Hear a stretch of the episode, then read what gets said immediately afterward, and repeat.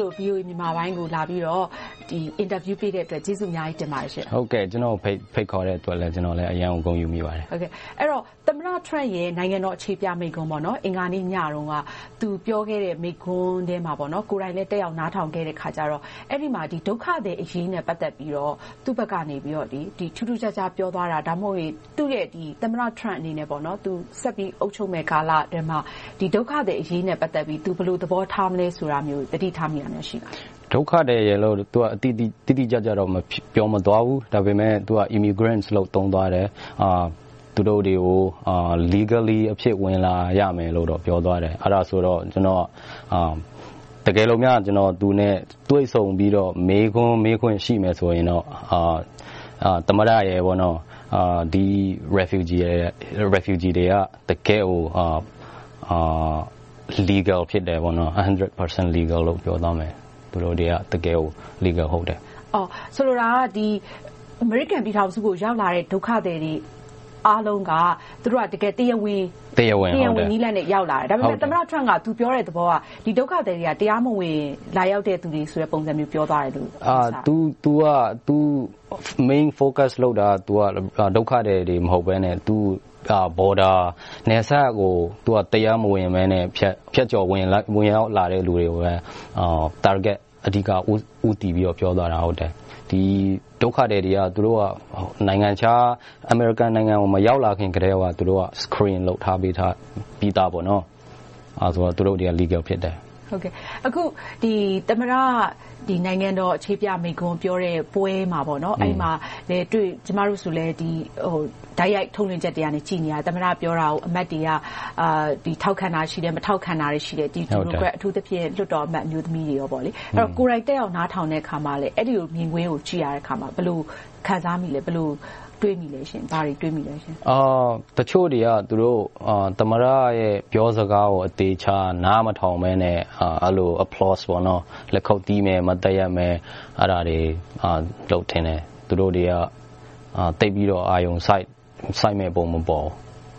ကိုယ်တိုင်ကောသမ္မတ Trump ပြောတဲ့အပေါ်ဘယ်လိုမြင်လဲ။သမ္မတ Trump ကကောင်းကောင်းပြောနိုင်ခဲ့လား။တကယ့်အချက်တွေပါဝင်ခဲ့လား။ကိုယ်လိုချင်တဲ့၊ကိုယ်နားထောင်ချင်တဲ့အချက်တွေကိုပြောသွားနိုင်ခဲ့လား။ဘယ်လိုမြင်လဲ။ကျနော်မျှော်လင့်သလောက်တော့ Positive လို့မထင်ဘူး။သူသိပ်ပြီးတော့အကောင်းဘက်မပြောဘူး။ကျနော်မျှော်လင့်ထားတာအများကြီး။အကောင်းဖြစ်ဖြစ်၊အဆိုးဖြစ်ဖြစ်သူက neutral အဖြစ်ပြောသွားတယ်။ အဲဒီတော့ အခု Mungsan ကနိုင်ငံတော်အခြေပြမိန့်ခွန်း သမ္မတပြောကြားတဲ့ မိန့်ခွန်းကို တက်ရောက်ဖို့ New Mexico ရဲ့ အောက်လွှတ်တော်အမတ် Ben Ray Luján ရဲ့ ဧည့်သည်တော်အဖြစ် ဘာကြောင့်ဖိတ်ကြားခံရတာလဲ။ကျနော့်အထင်သူက အဲဒီလို လွှတ်တော်အမတ်တွေက သူတို့ခေါ်ချင်တဲ့ ဧည့်သည်တွေ ခေါ်ခွင့်ရှိတယ်။ဘယ်နှစ်ယောက်လဲတော့ မသိဘူး။ကျနော်ကတော့ သူ့ရဲ့တဦးတည်းသောဧည့်သည်တော်။သူကျနော့်ကိုရွေးချယ်တဲ့အကြောင်းရင်းကတော့ကျနော့်အထင်ကျနော်အခုလက်ရှိလုပ်နေတဲ့အလုပ်နဲ့ပတ်သက်မယ်လို့ထင်တယ်။ဘာဖြစ်လို့လဲဆိုတော့ကျနော်ကိုယ်တိုင်ကအရင်တုန်းက Refugee ဒုက္ခသည်အဖြစ်နဲ့အမေရိကကိုရောက်လာတယ်။အခုကအဲဒီဒုက္ခသည်တွေကိုကျနော်ကိုယ်တိုင်ပြန်ပြီးတော့အကူအညီပေးနေတဲ့အဖွဲ့အစည်းနဲ့အလုပ်လုပ်နေတဲ့အတွက်အဲဒါကြောင့်ကျနော်ကိုရွေးတာထင်တယ်။ အဲဒီတော့ သူက လက်ရှိ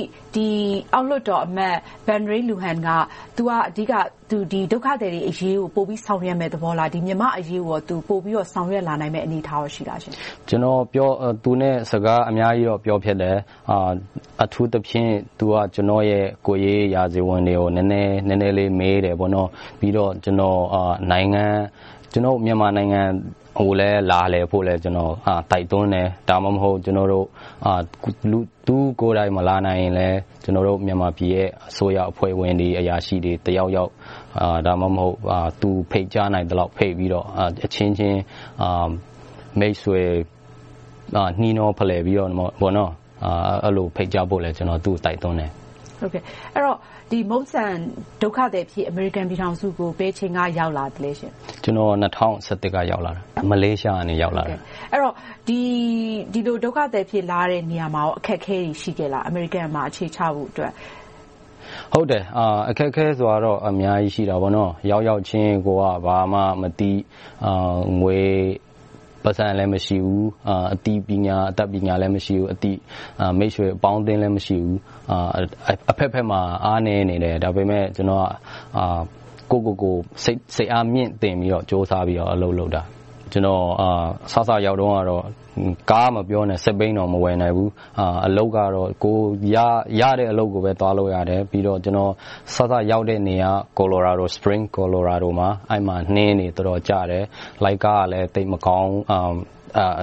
အစင်မပြေဘူးပေါ့နော်နေ့မှာ မနေ့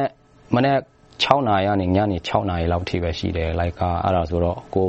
စပိန်အာကိုအာကိုရတယ် ကားမဝယ်နိုင်ခင်မှာပေါ့အဲ့လောက်ထိကိုကျွန်တော်စူးစမ်းထားခဲ့တယ် ဟုတ်ကဲ့အဲ့တော့ အခုလိုဒီဒုက္ခသည်ကိုယ်တိုင် ဒုက္ခသည်ဖြစ် ရောက်လာပြီးတော့ ဒီဒုက္ခသည်ခုပြန်ပြီးကူညီနိုင်မှုအဆင့်ပေါ့နော်အဲပြန်ကူညီကူညီတဲ့နေရာမှာလဲကိုကတာဝန်ကြီးကြီးယူပြီးတော့ အခုဆိုရင်နော် case manager မှာမှာ lead case manager ဖြစ်လှုပ်ဆောင်ရတဲ့ အခြေအနေထိ ရောက်လာတယ်ပေါ့လေအဲ့တော့တစ်ဖက်မှာရောဒီပညာရေးလေ့လာတဲ့အပိုင်းကောနောက်ပြီးတော့ ဒီလိုအလုံးမှာရောဒီအဲ့လိုအဆင့်အဆင့်ဆင့်ရောက်လာတဲ့ အနေထားပေါ့လေအဲ့ဒါရောဘယ်လိုစူးစမ်းဖြတ်တန်းခဲ့လဲရှင်ကျွန်တော်အာဟုတ်တယ်ကျွန်တော်တခြားလူတွေကလည်း ကျွန်တော်အာ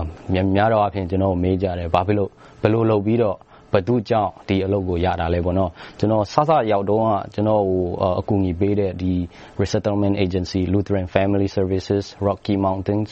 uh Colorado Spring Colorado မှာ အဲ့မှာ ကျွန်တော်ဟိုအာစတင်ပြီးတော့အာကျွန်တော်ရဲ့ resettlement agency ပေါ့နော်ပြီးတော့ သူတို့တွေကဒီရုံးတစ်ဖွင့်မယ်ဆိုတော့ ကျွန်တော်ကျွန်တော်ဟို သူတို့က အရင်တော့ကျွန်တော်လှည့်လာထားတယ် ကျွန်တော်ရုံးက လူတွေကိုလည်းတွားပြီးတော့ အကူအညီ volunteer တွားလုပ်ပေးတယ်အာအဆောက်အုံတွေ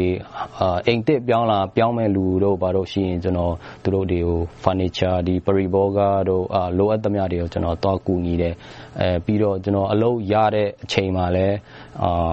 ကားမရှိစပိန်မရှိဆိုတော့ ကျွန်တော်အဲ့ဒါတွေကို အကြောင်းပြချက်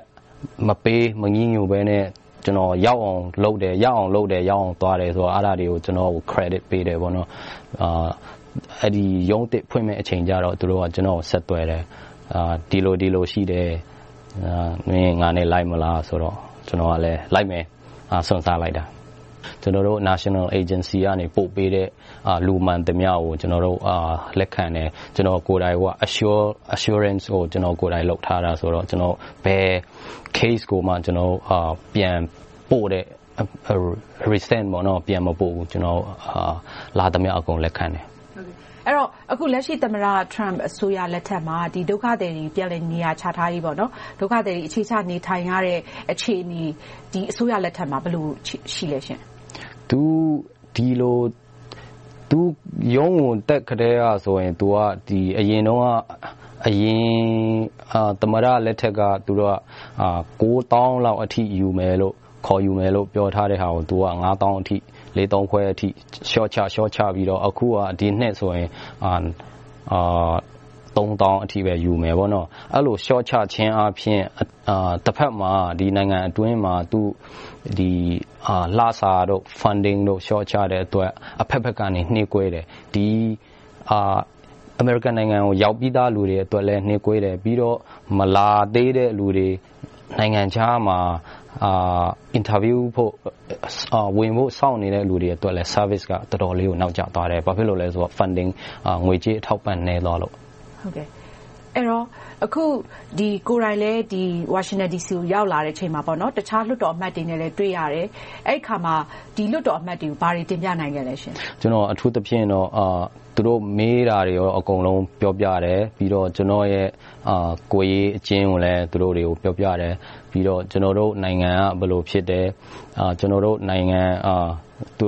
တချို့တွေကလည်းရခိုင်အရေးကိုမေးတယ်တချို့တွေကလည်းကချင်ပြည်နယ်အရေးကိုမေးတယ်ဘယ်ကချင်ပြည်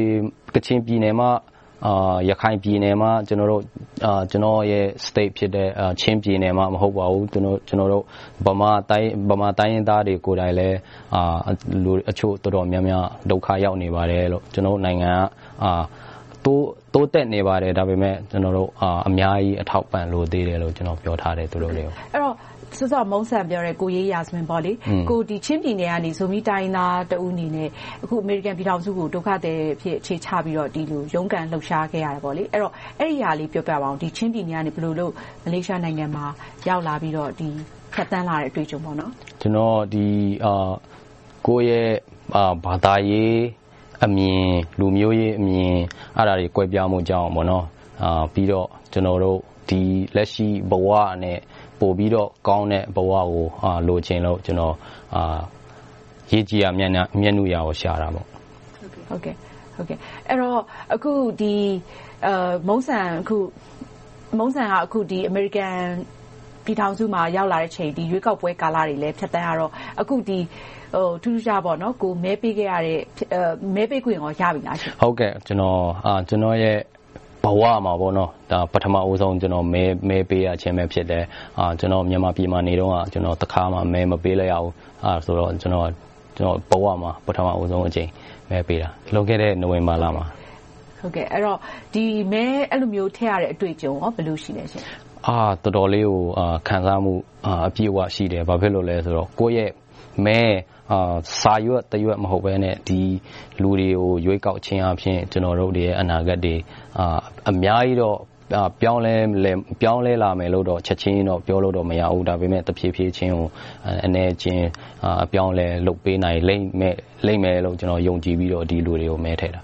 ဟုတ်ကဲ့ကျေးဇူးတင်ပါတယ် မုံဆန်းအခုလိုလာပြီးတော့ အင်တာဗျူးပေးတဲ့အတွက် ကျွန်တော်လည်း အရန်ကို ဂုဏ်ယူမိပါတယ်